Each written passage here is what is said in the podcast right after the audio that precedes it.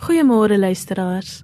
Hierdie week bespreek ons hoe om 'n geseënde lewe te leef en ons gaan dan voort vandag deur te sê dit is soms 'n versoeking vir ons om te dink dat ons onder 'n vloek leef, is dit nie?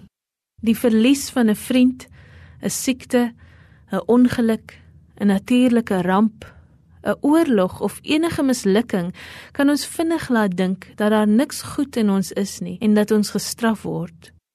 Hierdie versoeking om aan ons lewens te dink as vol vloeke is selfs groter wanneer al die media ons elke dag bombardeer met stories van betreurenswaardige gebeurtenisse. Jesus het gekom om ons te seën, nie te vervloek nie, maar ons moet kies om daardie seëning te ontvang en aan ander oor te dra. Seëninge en vloeke word altyd voor ons geplaas. Ons is vry om te kies. Kom ons kies die seëninge. Jesus leer ons hoe om in hierdie tyd te leef. Hy sê dat ons in die eindtyd leef, die tyd wat aan ons ontelbare geleenthede gee om vir Jesus en sy koninkryk te getuig. Die baie rampe in ons wêreld en al die tragedies wat daagliks gebeur, kan maklik maak dat ons hulpeloos voel en ons oortuig dat ons swak slagoffers van ons omstandighede is. Maar Jesus kyk na hierdie gebeure in 'n radikaal ander manier. Hy noem dit geleenthede om te getuig. Jesus herinner ons dat ons nie aan hierdie wêreld behoort nie.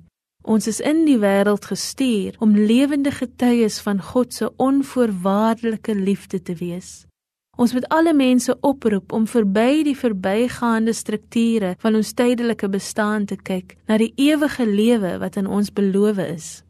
Die groot gevaar van die woesternye van die eindtyd waarin ons leef, is om ons siele te verloor.